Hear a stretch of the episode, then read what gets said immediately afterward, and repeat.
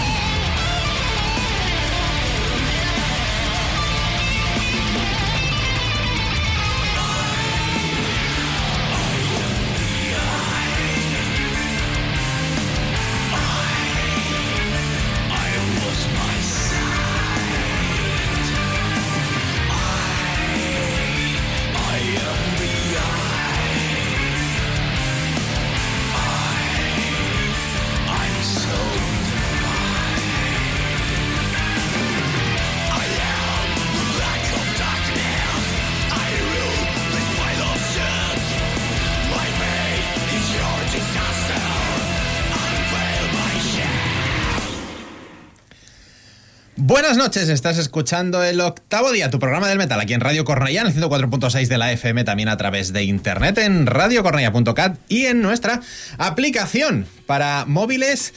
¿Qué tal nosotros? Desde las 9 hasta las 12 en directo en este estudio 1 para traeros lo mejor del metal. Hoy sí con el equipo al completo para hacer un repaso de lo mejor, de lo más destacado, de lo que más nos ha gustado en este 2022 que ya se acaba, último programa del año. Saludos de Dani Ruiz, quien te está hablando ahora mismo, rodeadísimo ya de, como decía, todo el equipo a mi izquierda, como siempre, enarbolando la bandera de la zapatilla, Alfonso Díaz. Buenas noches. Buenas noches, Dani. Buenas noches, audiencia.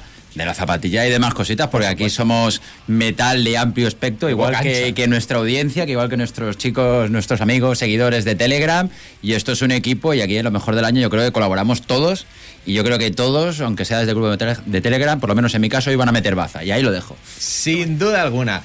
Ya a mi derecha, enarbolando la bandera del azúcar aunque de vez en cuando nos amarga un poco.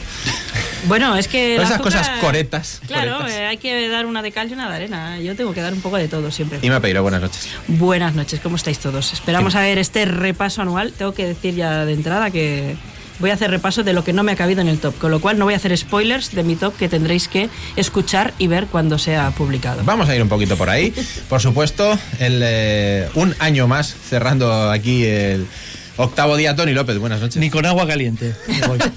es así. Eh, sí, como dice Inma, vamos a aprovechar hoy para meter seguramente las cosas que no quepan en el top 10, porque ha habido un, año, como los últimos vienen siendo, llenos de lanzamientos. Yo explicaba a mis compañeros a cerrado que hice un ejercicio para, hacer mi, para cerrar mi top y únicamente me, me, ceñí a discos que he escuchado un mínimo de cinco veces y que me han parecido dignos de entrar en top. Me salieron 32. Con lo cual, en el top 10, eh, evidentemente no pueden entrar los 32, o sea que hoy os vamos a. Yo, por mi parte, traigo del 11 al 32.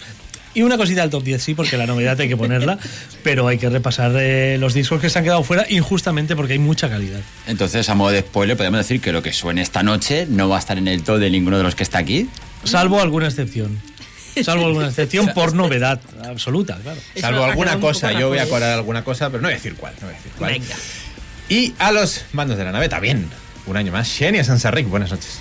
Buenas noches, pues sí, vamos con el mejor programa del año, porque vamos a repasar, como decimos, este 2022. En mi caso, a tu pregunta, Alfonso, no lo sé, porque yo hice una primera selección de discos posibles candidatos y aún no he tenido em, la voluntad de, de, poder hacer una primera criba. O sea que en mi caso son discos que me han gustado mucho.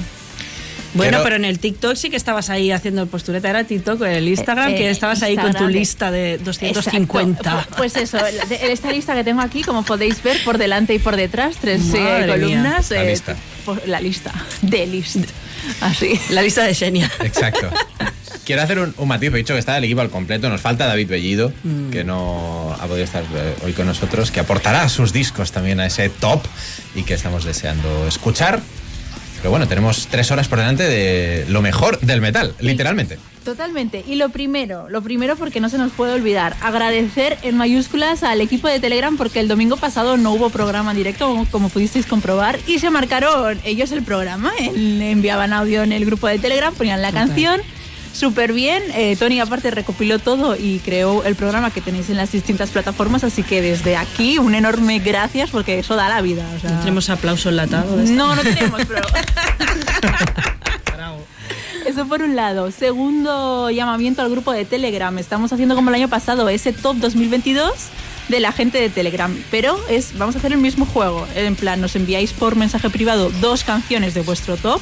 Nosotros la añadiremos al listado de Spotify que ahora mismo está como privado cuando nos la hayáis enviado lo, pondremos público y a ver quién adivina de quién es quién la canción que suena. Ya hemos recibido algunas peticiones, pero falta mucha gente, así que tenéis estos días para jugar y participar. Quiero añadir una regla a este juego, que Ana no pueda participar en las adivinanzas, por favor. Qué humillación. El año pasado sufrió una, una, humillación brutal. O sea, es que decía cualquiera, no acertaba y ella acertaba la pareja. O sea, que qué intuición tiene esta mujer, de verdad. Una vez este, pues ya todo el mundo más o menos ha puesto las canciones y ahora haremos este top público por si luego tenéis Spotify y no estáis en el grupo de Telegram o no queréis participar, que podáis escuchar las canciones, no os preocupéis.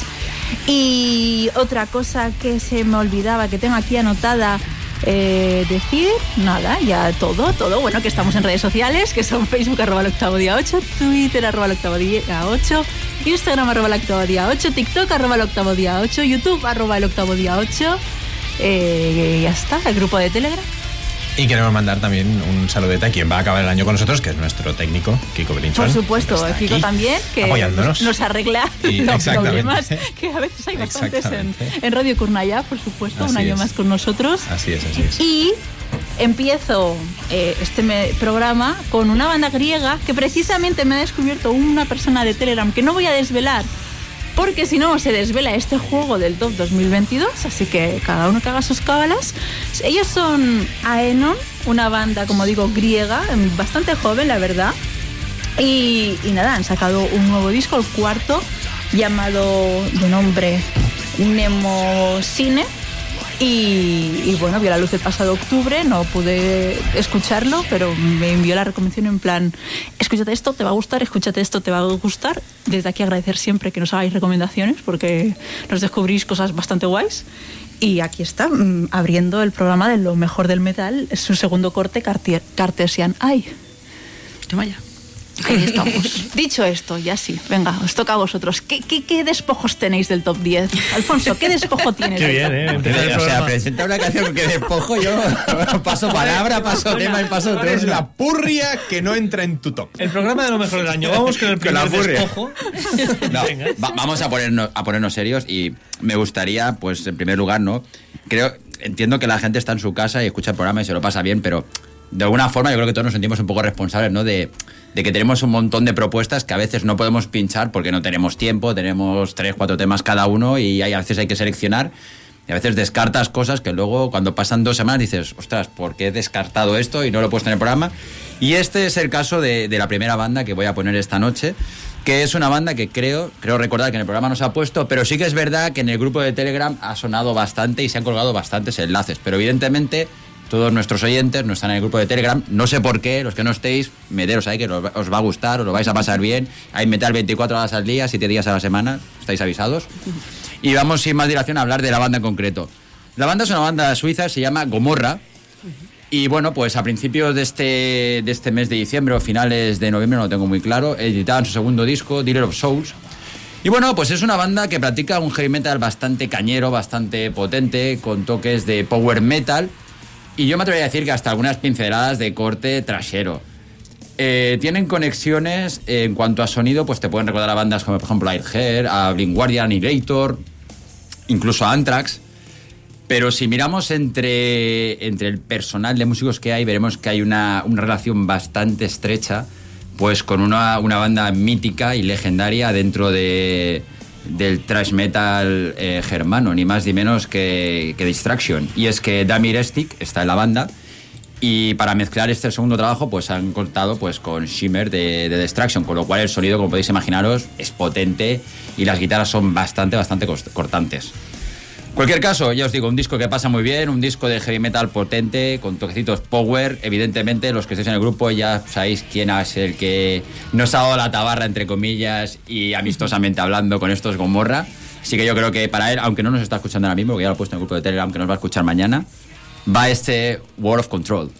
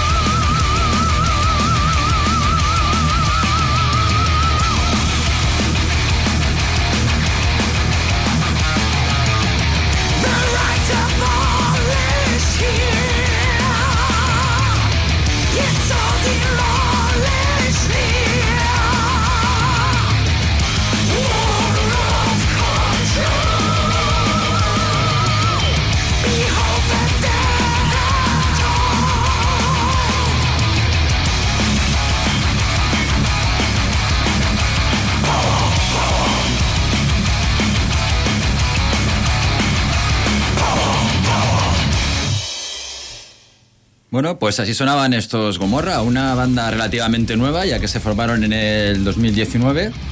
Pero bueno, hay que tener en cuenta que tenían antes una andadura previa como gonorreas. Pablo Escobar. que habían sacado, empezaron alrededor de, finales de los 90, principios de los 2000 y habían sacado pues cuatro, cuatro discos, no, cinco discos, perdón, y tenían un estilo más, eh, más, más hard and heavy. Yo solo, aparte de lo bien que suena, eh, me parece que suena metal alemán contundente eh, de los que me había reventado a principios de, siglo o a finales de los 90. Eh, quiero decir que me has, me has defraudado un poco cuando has presentado y has hablado de una banda de thrash alemán, porque con Gomorra lo suyo sería Sodom. Sodom and Gomorra. Sería el mejor cartel posible.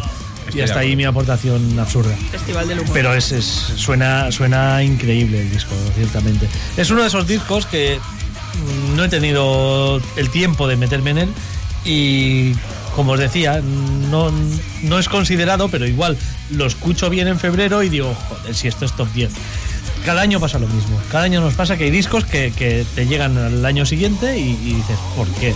Pero es lo que, comentábamos, Tony. Nosotros siempre venimos aquí a intentar aportar pues cosas que a lo mejor no sean, no estén tan al alcance del oído del oyente medio. Pero claro, cuando igual lo tienes preparado y te lo revientan en el grupo de Telegram, que muy bien por los del grupo de Telegram, pues a veces lo que nuestra opción es meterlo en la nevera, porque ya sabemos que la mayoría de los oyentes que están ahí ya lo han escuchado, y apostar por otra cosa. Y este, este fue mi caso con Gomorra, claro. Después de colgar un par de enlaces o tres, pues ya dices, no voy a aportar nada nuevo si lo pincho. Y se quedó ahí, pues hoy por lo menos ha sonado. En mi caso he hecho justicia, me quedo tranquilo, lo he puesto y aviso que no estará en mi top del año. o sea, el nivel es de aquí para arriba, imagino. Como mínimo. Bueno, o por abajo, porque sabes que a mí me gusta bajar las catacumbas muchas veces. o sea, que tú tienes ya claro tu top, ¿eh? Yo lo tengo muy claro. Oh, qué suerte. Muy bien. ¿Utilizas alguna fórmula en concreto? Bueno, pues el grupo que más pasta pone encima de la mesa es el número uno. Yo soy de los 40 principales, genia. ok. Fácil. Inma, contrapunto. contra, no, contra sigo, sigo con el punto, por lo que veo. Y nos hemos coordinado, Alfonso y yo, porque yo vengo a traer también una banda de heavy metal, así puro y duro. No, menos trash, pero bueno, igual de heavy metal. Se conoce que estaba yo bastante nostálgica con el documental de Dio y el 25 de noviembre, pues una maravillosa cantante llamada Catherine Leone, también conocida como Leather, em, sacó un disco que, vamos, me lo recordó hasta la médula. Eh, el disco se llama We Are the Chosen y la canción también se llama We Are the Chosen y os la quiero pinchar a ver qué os parece.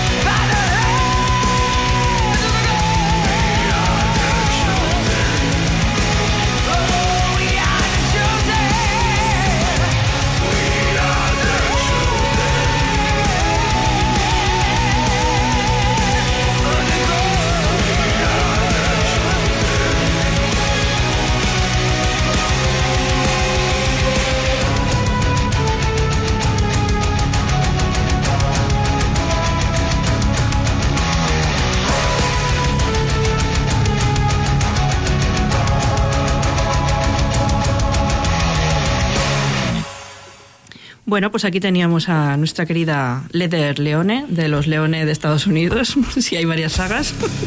Eh, ella había sido vocalista de un grupo llamado Chastain, que era de un guitarrista, un guitar giro de los 80. David T. Chastain. Perfecto. Monstruo. El, apuntador. Eh, y ya sacó un disco en solitario en el 89, pero no fue hasta 2018 que se volvió a decidir esta mujer por sacar discos y ahora ha sacado pues lo que sería el tercer larga duración en solitario. Eh, la banda está completamente integrada por miembros brasileños, mm, Vini Tex, Tiago Velázquez y Braulio Drummond. Y el disco pues ha sido grabado, que era un dato que me parecía curioso, en los estudios Hers, que es donde graban bandas como Behemoth o Vader, allí en mmm, Bialystok, Polonia. Bueno, pues grabas Vader o Behemoth y luego te grabas pues este disco que la verdad que está muy bien. Em, mencionar especialmente la canción de Halloween Ground, que ella le dedica a Ronnie James Dio porque además pues se conocieron y, bueno, y tuvo la ocasión de en vida expresarle toda su gratitud porque había sido su inspiración. Y Qué bien. yo como estaba ahí con mi momento nostálgico del documental de Dio, pues eh, tenía este guardado para pincharlo, nunca acababa de salir el momento de pincharlo y he dicho, pasa en el de fin de año. Hala, ahí lo tenéis. Y ya hasta aquí mi nostalgia Dio. Pues voy a, cambiar un poquito el, registro porque nos vamos hasta Finlandia. Finlandia ya sabéis que es el país del metal por excelencia, donde con el, con el rango más alto de, músicos de metal por habitante del mundo. Y es que tampoco hay mucho más que hacer. Eh, desde allí nos llegaba en agosto el nuevo trabajo, cuarto trabajo de Brimir, Voices in the Sky, una banda que ya me había llamado la atención con su anterior disco de 2019 que yo descubrí el pasado año, dos años tarde. Este es verdad que al ser en verano y tal, tampoco le, le hice mucho caso en su momento, pero como en noviembre vi que venían abriendo para Fintroll, concierto al que no pensaba ir de ninguna de las maneras, porque Fintroll a mí es algo que no me gusta nada, pero pensé, no me cuadra mucho con Fintroll, voy a escucharlo a ver si sigue siendo lo que hacían en su anterior trabajo o si se han tirado al folk y este de Fintroll. No, en absoluto. Hasta el punto que me planteé ir a Fintroll y que al ser un día que trabajaba y que no podía montármelo, no fui, pero hubiera ido solo a ver a Bimir y me hubiera ido fácilmente después del primer grupo de los cuatro. No me enrollo. Eh, Voices in the Sky es el nuevo trabajo de esta banda finlandesa que practica lo que englobaríamos dentro del death melódico, pero que tiene muchas más cosas, mucha sinfonía además, orquestaciones y demás. Os dejo que lo escuchéis. Yo, con todo mi dolor, es un disco que no va a entrar en mi top 10, pero creo que se lo merece muchísimo porque se han, salido, se han sacado de la manga un disco tremendo. Esto es Brimir y el tema que abre y da título a Voices in the Sky.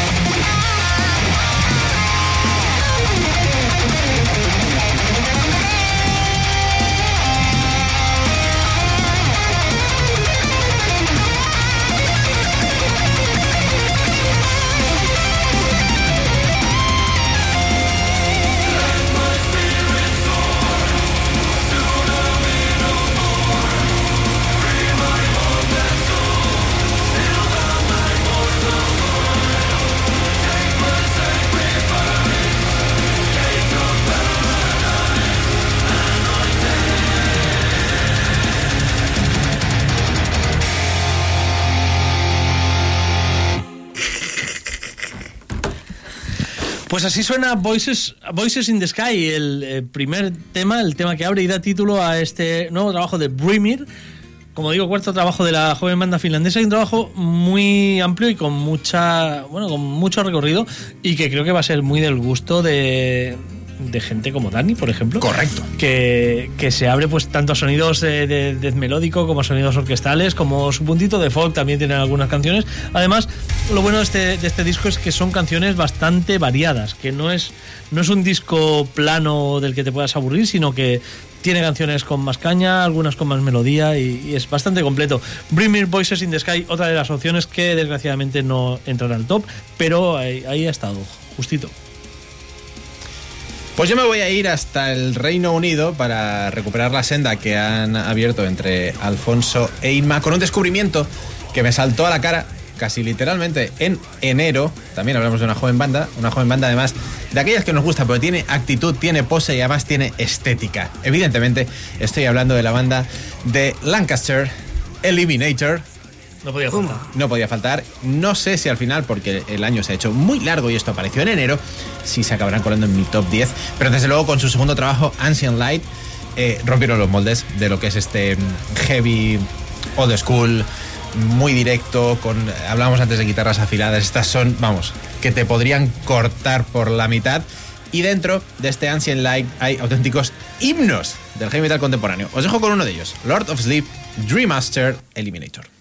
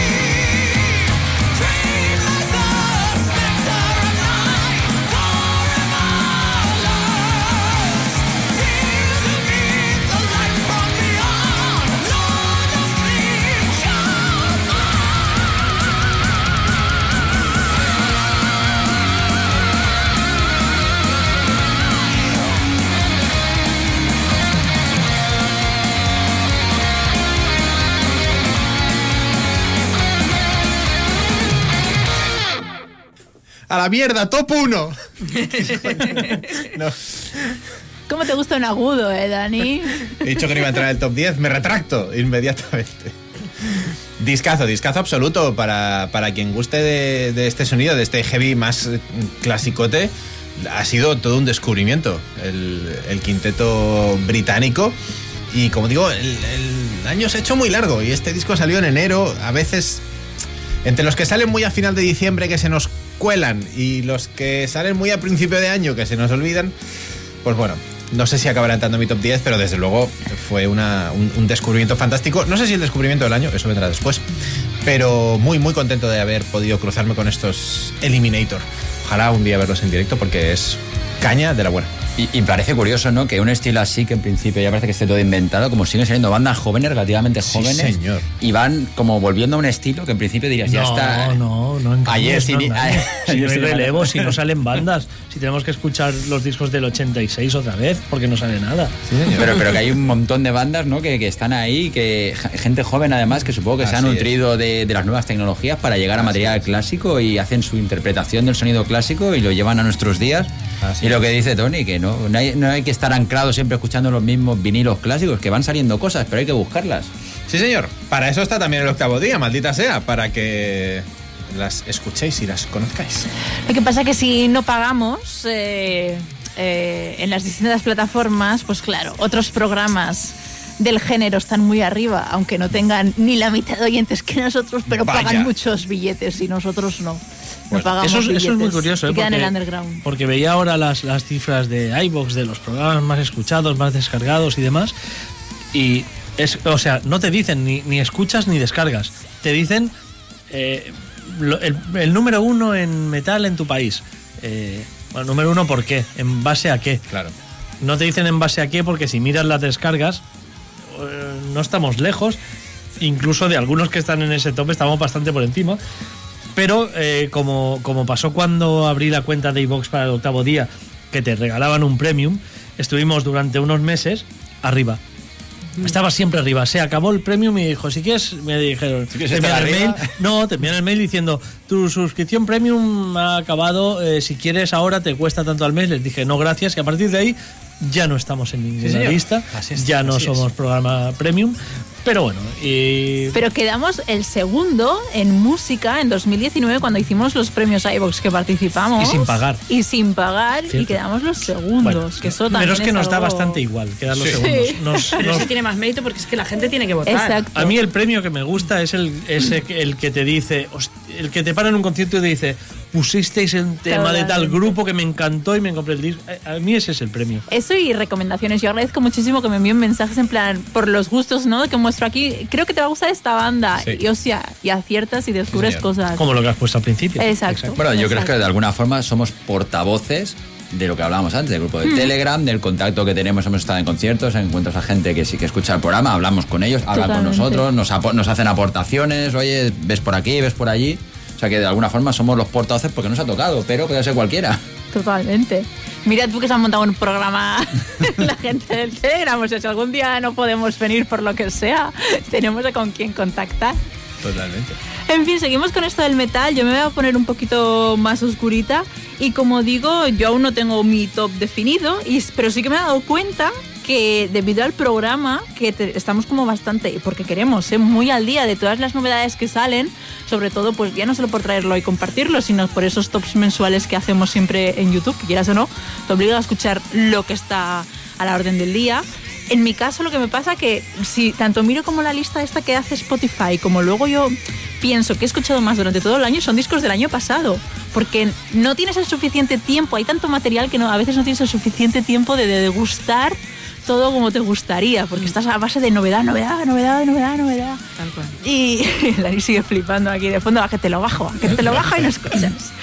Pero bueno, uno de los discos que, que creo que es bastante bueno, va a estar en una posición alta, eh, es el último de los lanzamientos de los portugueses Gaerea, esa banda de black metal que con este tercer largo parece que, vamos, que no hacen más que subir. Eh, todo el mundo habla de ellos dentro de, la escena, la calidad por supuesto está. Y aunque van encapuchados, sabemos quiénes son, que eso también está muy bien, porque está muy de moda dentro de los Blackies ir encapuchados y decir, yo no. A mí no me conoces. Eh, Blackies no, Blackies, ¿eh? Sí, es cierto. Recordemos a Ghost, que ya lleva tiempo escondiendo con más No, porque es verdad, porque es agobiante ir a los conciertos y que la gente te pare, se que hace fotos contigo. yo lo entiendo. Puedes hacer vida normal. Si vas encapuchado, pues, yo a partir de ahora me encapucharé también. Pero pues si llevas la camiseta de Symphony X, te sí, Es, es, evidente, es la, la de siempre buenísima esa camiseta, Tony. Eh, bueno, salió buena. Tiene más de 20 años y aquí sí, ¿eh? Salió buenísima. Pues volviendo a, los Black Keys Gaerea, eh, su tercer largo, Mirage, ha cosechado, perdón, grandísimas críticas eh, y, bueno, pues tenían que sonar en, este repaso de, de, cosas muy buenas que han visto a la luz en 2020. Así que vamos con Gaerea a ritmo de la canción Salve.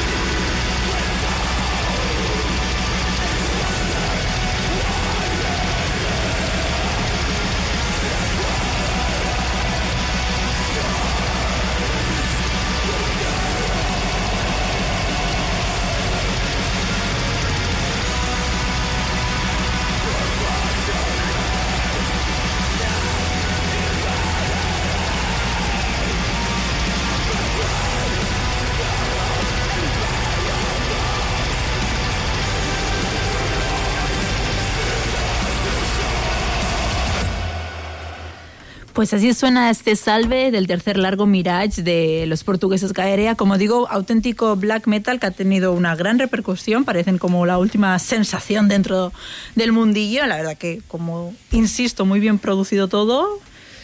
Y bueno, aquí están en este repaso de, del 2022 eh, y Tony quiere aportar. No, yo, yo, quería preguntar, ¿no puede ser un top 50, por ejemplo?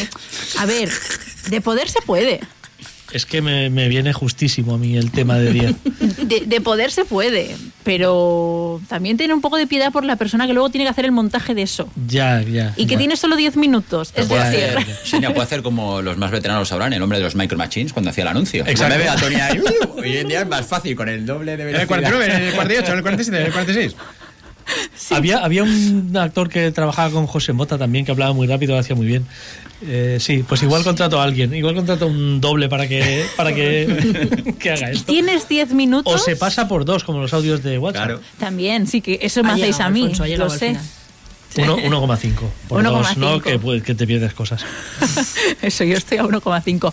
Pero a ver, la, la, cuestión es en estos vídeos del top, repasos del top, tú tienes 10 minutos, haz lo que creas conveniente. ¿Te caben 50? Vale. ¿Que luego te voy a maldecir mientras edito? Mm, no lo dudes. Vale. No lo dudes, que te van a pitar las orejas. Te facilitaré el trabajo. A no ser que te lo edites tú, entonces yo no tengo queja. No, pero igual te doy la composición de portadas, ¿no? De los. Bueno, bueno. ¿Te sirve? ¿Te sirve? Podemos, podemos llegar a un acuerdo. podemos llegar a un acuerdo. Inma, por ejemplo, ya ha hecho su top 10 y me la ha pasado ahí muy bien. ¿Ves? Es muy, muy fácil y montarlo. Yo es que me tengo que esperar porque no sé si voy a escuchar algo todavía esta semana. Bueno, aunque sea de agosto, como el de Brimir, que lo he escuchado en noviembre y, y entra. Es que tengo una muy mala experiencia el año pasado, porque, por ejemplo, uno de mis discos favoritos de 2021 es el de Fortress, y lo escuché en marzo de este año. este año. Claro, ese disco entra directo en mi top 10 del año pasado, pero no estaba ni en el top 50 porque no lo conocía. Ya lo que decía Senia ya. Pero es también lo que decimos siempre, ¿no? En plan, ahora haríamos un top 2021 con cosas distintas a, lo que hicimos. Es que es Va, pues hagámoslo. Hagamos un top 2021. Y lo editas también. Mira, si lo editas tú me da igual. lo que te dé la gana. Yo solo lo subo y le pongo un poco bonito. Es un putadón. Es un putadón gigantesco. Bueno, hablando de esto que eh, insistimos, por si no lo hemos dicho, en el canal de YouTube vamos a hacerlo de cada año, de hacer nuestro top 10 personal de cada uno, 10 minutos para deciros lo que queramos decir del año y cada uno se lo, se lo, se lo monta como quiere. Es decir, que no tiene por qué ser un del 10 al 1, que puede ser un 20 al 1 o en el caso de Tony 50 al 1. Venga, Pero solo tienes 10 minutos. Solo tienes 10 minutos. Me da igual lo que quieras hacer dentro de tus 10 minutos, como si quieres que explicar una historia. Vale. Pues sí, igual explico una fábula y luego os digo, y el disco del año es este. ¡Pam! Como tú veas. O los vas soltando en la fábula. Claro, claro, claro. Como hacía Mega en alguna canción que soltaba los títulos de otros temas. Manowar. Es muy Manowar eso. Blood of the Kings está repleto de nombres de canciones previas de Manowar. Pues algo así, sí. Me lo pienso, le doy una vuelta. Eh, que siga. Alfonso, hay más metal. Sí, hay más metal. Pero bueno, ya que estamos hablando de revisionar listas y tal, Shane hablaba de que vamos mucho a golpes de novedades, de, que, de lo que va saliendo. voy a hacer, permitidme que os haga un pequeño atraco a todos, compañeros. Tenéis, eh, dame la pasta, no. Tenéis una hora libre y voy a decir, decir, voy a escuchar un disco, un disco que me gusta, que siempre me ha gustado, que me gusta. ¿Qué, os pincháis? Xenia. Lo primero que este año? no, no, no, no, no, Por gusto. Escuchar música, pues como hacíamos antiguamente, te levantabas, ibas para un CD, un vinilo, decías, tengo ganas de escuchar este. Pam, Mira, te, lo digo como ejemplo el otro día que me puse a hacer el listado este que decía Inma, que hice el postureo, esta lista que tengo con todas las canciones. De fondo me puse David Thousand. Hacía muchísimo que no escuchaba David Thousand y, y hasta hace poco había sido un artista que escuchaba asiduamente, pero como el nuevo disco no me acaba de convencer, eh, pues me puse eso, pero me está pasando eso, por ejemplo, en el top. Es decir, el nuevo de Septic Flesh está bien, pero para mí no, no forma parte de un top porque lo comparo con lo que conozco y me gusta. Que eso también es otro problema. Es un hándicap, sí. Es un Porque le pides mucho más a, bandas. A mí me ha pasado con Tresol. Le pido tanto a una banda que ha sacado mi disco favorito del siglo XXI de momento, con permiso de Blackwater Park, que, que a la primera escucha es como, hostia, esto no llega pero cuando empiezas a valorarlo en sí mismo sin ese bagaje previo, hostia, eh, entonces descubres la calidad que tiene muy por encima de, de otros grupos que seguramente sí metas en el top porque no le exiges tanto. Pues mi respuesta sería más o menos David, Septic, Ul- Albert. Tiro Tony, bastante por ¿tú? ahí. Uno, es solo uno, no me vengas aquí con la, la lista de 75 que te veo la cara. Pasa palabra. ¿Cuál era la pregunta? Si tuvieras ¿Me la una hora para escuchar un disco, ¿cuál que te levantarías de tu inmensa colección y dirías, pues me lo pongo ahora? Pero de toda la historia. Sí, sí, claro, lo que te apetezca escuchar como oyente. Ahora, de lo que Es que- decimos, es estamos que- escuchando muchas novedades. Bueno, pero es que depende del momento. Sí, Ahora, ahora cual. mismo, ahora mismo, en este momento, ahora mismo, eh, me pondría Beneath the Remains de Sepultura. Oh. Ahora, en este, hoy, ahora, esta hora. Dentro de cinco minutos igual me apetece otra cosa, pero ahora mismo me pondría Beneath the Remains porque he estado escuchando una cosa esta tarde que me ha recordado y ahora me pincharía eso, sí. Inma, Eh, yo tengo dos eh, que voy siempre, a los que siempre acudo. Uno es un recopilatorio de Richie Kotzen y otro es un directo de Chris Cornell. Son mis to go siempre. ¿Y Dani? Yo tuve una hora libre el fin de semana pasado. Ya acabaste las horas de casa. Correcto. Ahora anual. Correcto. Eh, ¿Fin de semana o ha sido.? Bueno, se había hablado aquí el, el último domingo que tuvimos programa de esa banda y dije, hostia, cómo me apetece escuchar esto. Y fue el Light of Day, Day of Darkness de Green Carnation. Mm, qué bueno. Hacía mucho que no lo escuchaba. Me apeteció muchísimo ese momento, lo disfruté. ¡Buah! Tremendo. ¿Y tú, Alfonso? Pues yo, el Firepower de Judas es el que más le está dando últimamente. Sí, Oye. así por devoción, digamos, de recuperarlo. Ya tiene unos cuantos añitos y la verdad que cada vez que lo escucho. Hombre, no está a la altura de los grandes clásicos, pero creo que es un muy buen disco.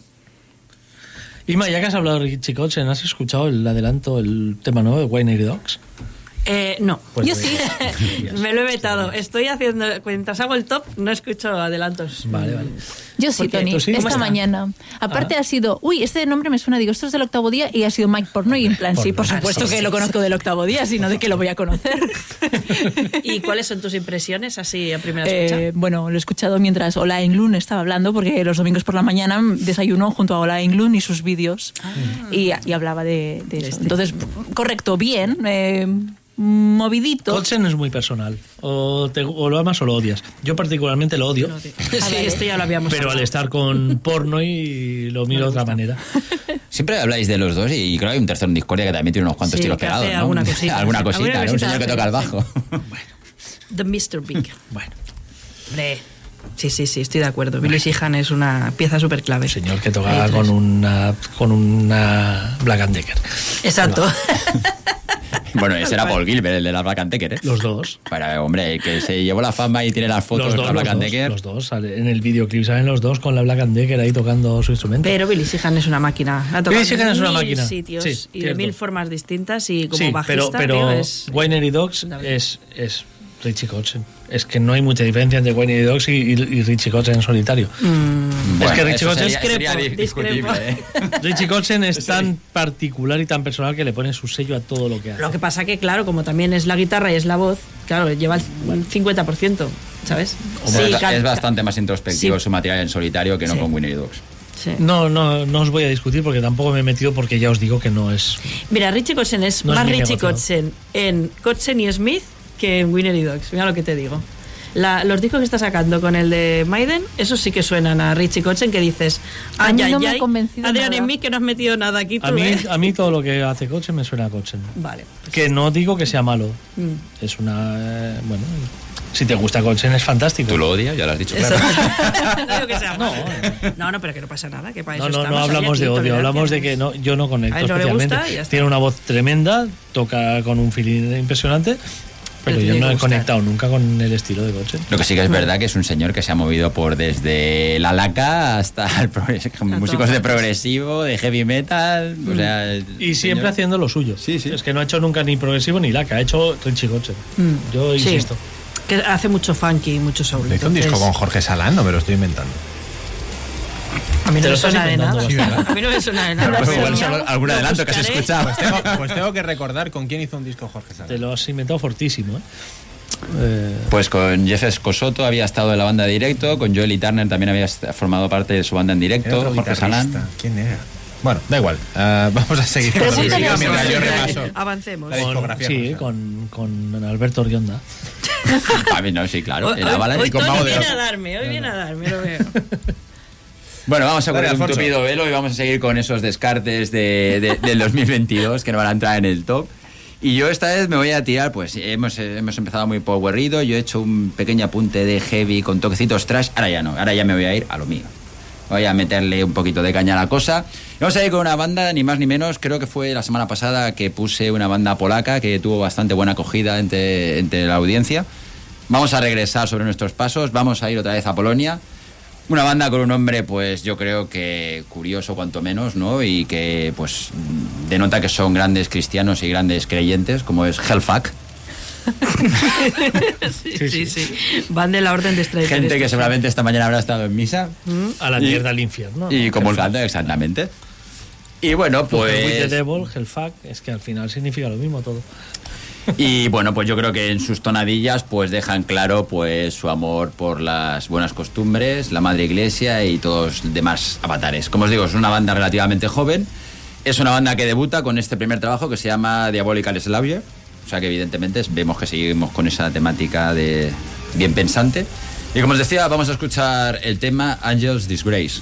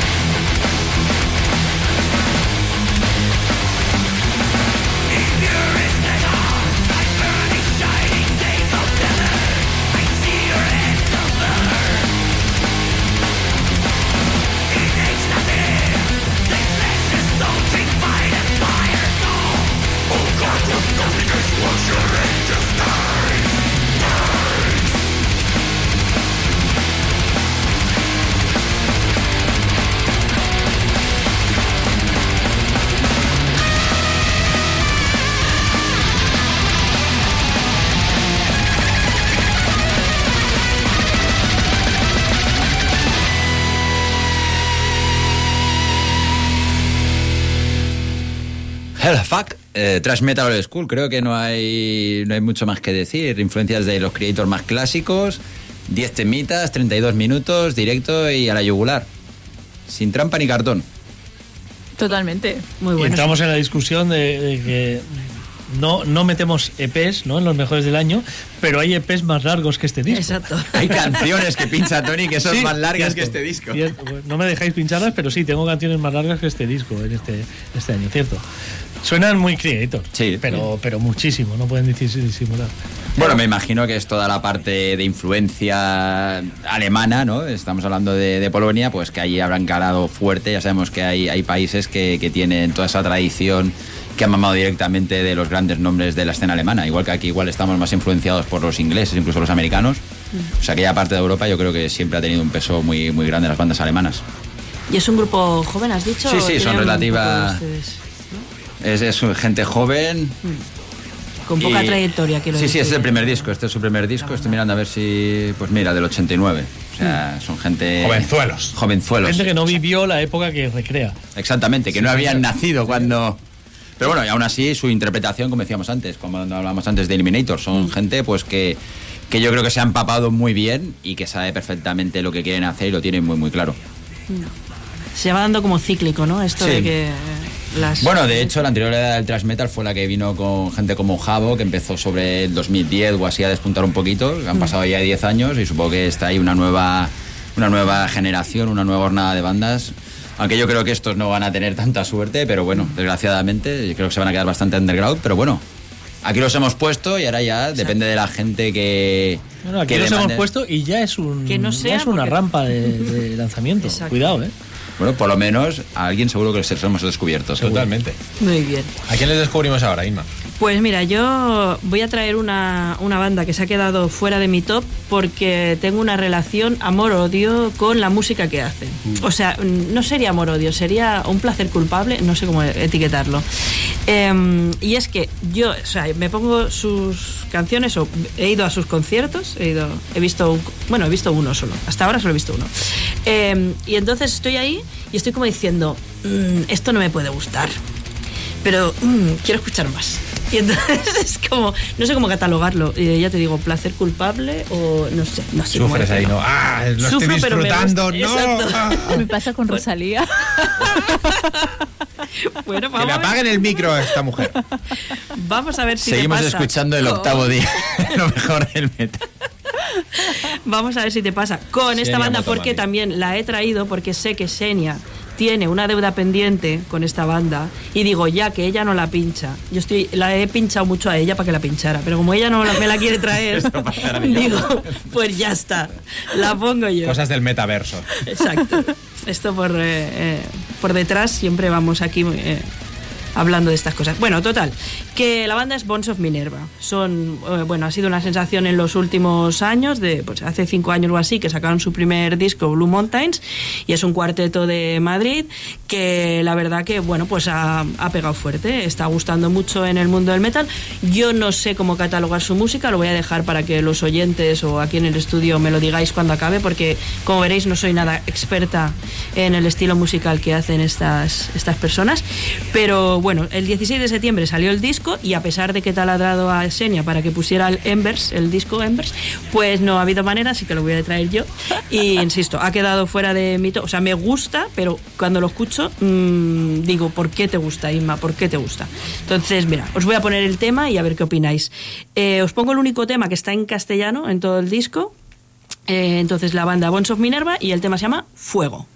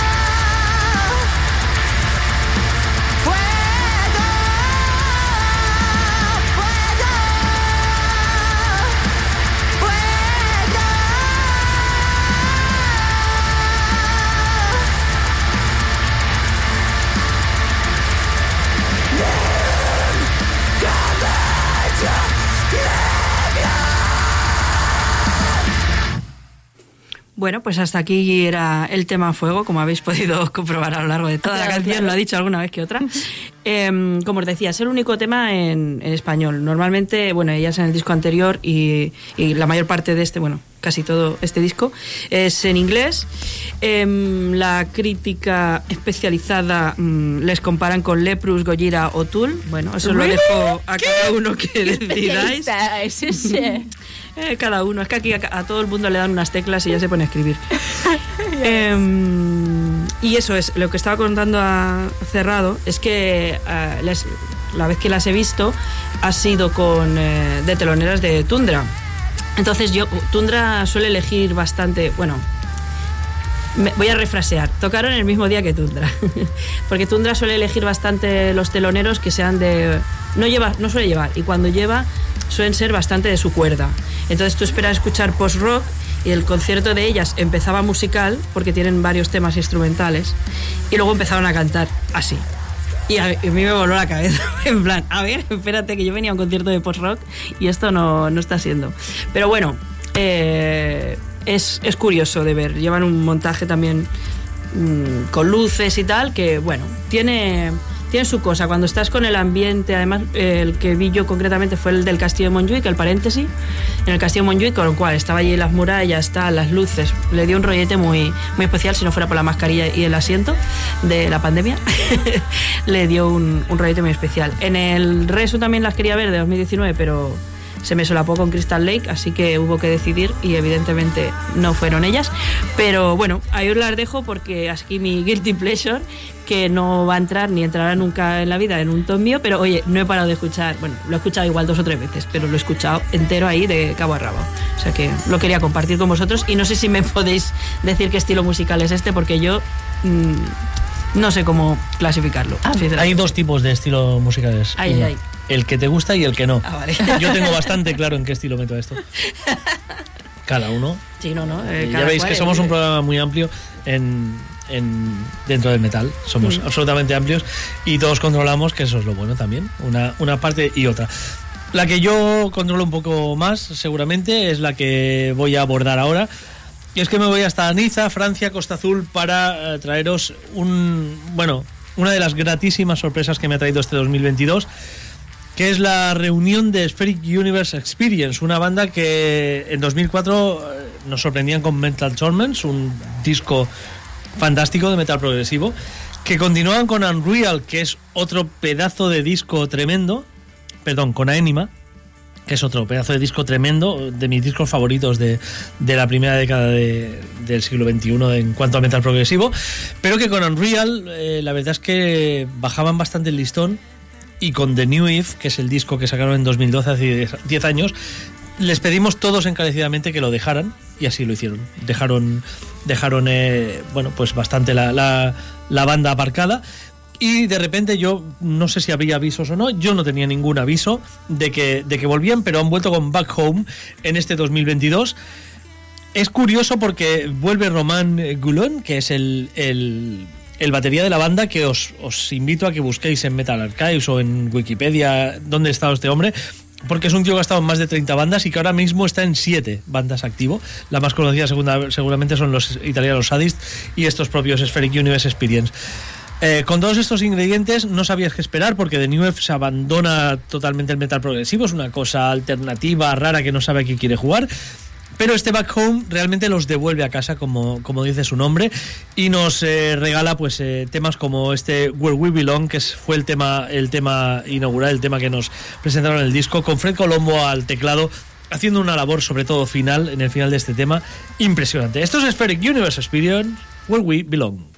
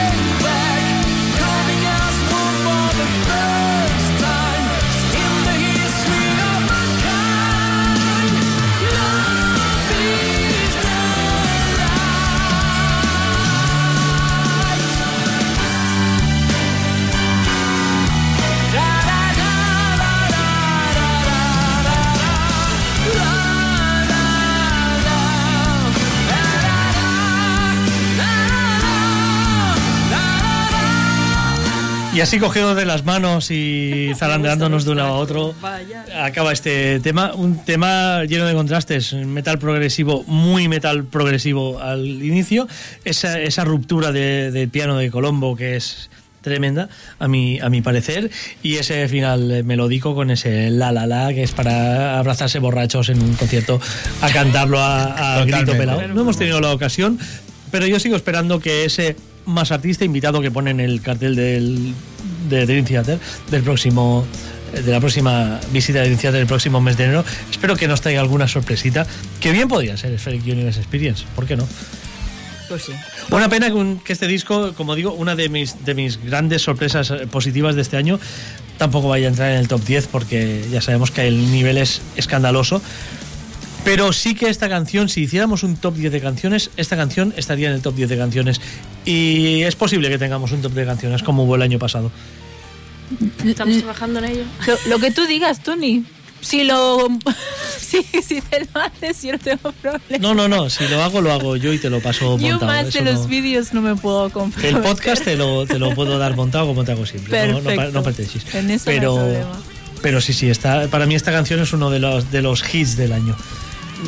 El problema es seleccionar las canciones. ¿O lo tienes claro? No, no, yo en cuanto a canciones lo tengo bastante claro, incluso algunas canciones, que es lo que hice el año pasado en aquel podcast que hice del 50 al 1, eh, una ida de olla absoluta, pero, pero claro, es que me pasa eso, a veces hay discos donde hay una canción que me vuela el cerebro, pero que el disco en general no me... Ya. Y tenía esa necesidad de poner esas canciones que igual en el disco no, no era merecedor de top, pero las canciones sí. Y creo que este es un claro ejemplo. Por ejemplo, esta canción para mí es clarísima top 10 del año y en cambio el disco, que es muy buen disco también, pero hay superiores.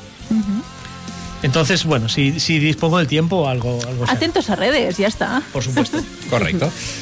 Yo salto de Francia a Finlandia y si decía antes que en enero Eliminator me saltó a la cara, en abril Gladenfold me golpeó con eh, dureza.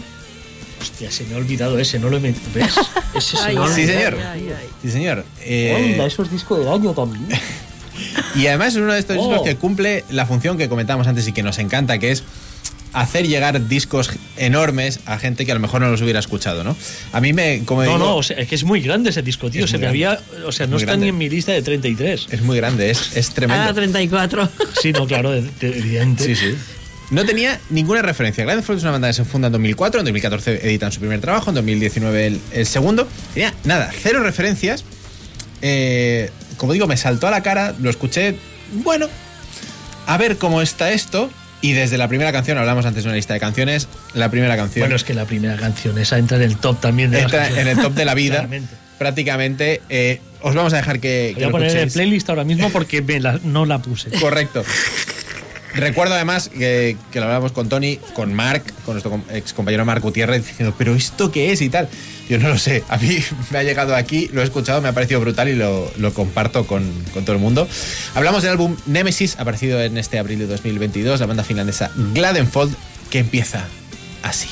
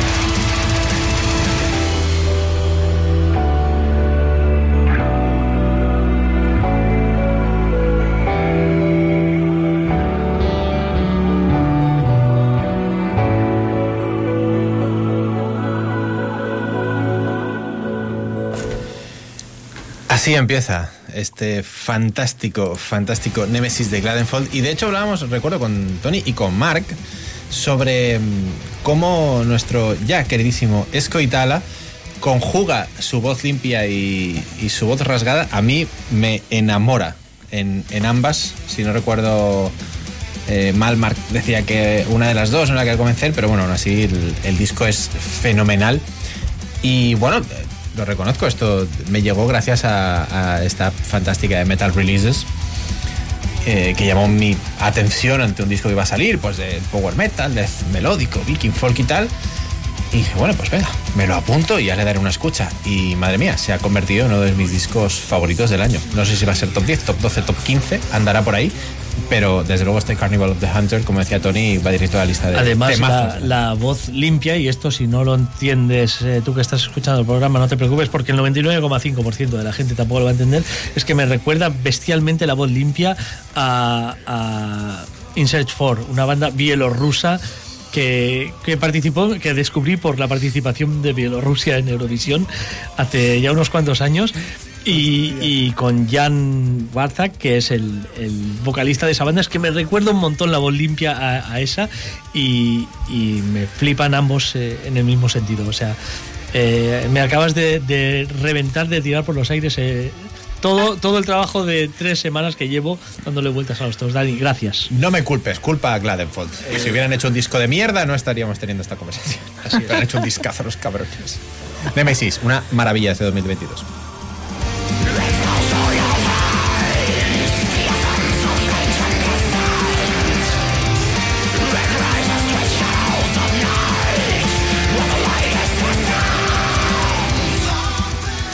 Pues nada, me, toca a mí y he de confesar que hay bandas de power metal en mi top eh, provisional. Estamos pisando el terreno de otros.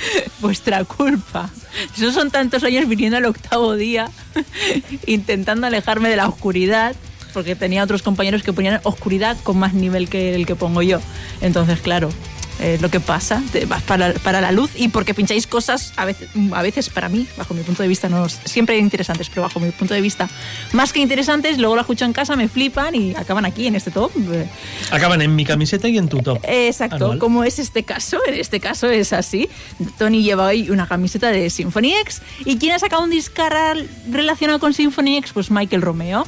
Michael Romeo se marcó en marzo la segunda parte del War of the Wolves, a mí me encantó muchísimo, es un disco bastante candidato, o sea, candidato que esté bastante alto dentro de mi top, pese a que aún no lo tengo definido, pero de todo el power metal o heavy metal que pueda tener, es uno de los que sé que van a estar arriba y que van a sobrevivir a esa escabachina que voy a hacer para dejar un top pues más pequeñito. Te diría hasta Proc Power, que siendo Proc tiene más mérito pues que esté en tu, Power. que esté en tu lista. Sí, porque es que tengo, estoy viendo que ahora mm, el, progresivo que tú traes, el de que no es Dream Theater, porque Dream, no, es Dream Theater. no eh, empieza, le empiezo a, entender. O sea, las dos mejores bandas de progresivo sobre la Tierra son Dream Theater y Opeth. No le gustan a la señora, pero todas las demás, pues ya sí. Muy bien. Exacto. Perfecto. Eh, eh, lo has resumido perfectamente. Fantástico. Lo has resumido muy bien. Pues nada, vamos a War of the Walls de Michael Romeo y vamos con, con, el single, porque es que es un, me encantó a amor a primera escucha. Ese Divide and Conquer. Vamos con Michael Romeo.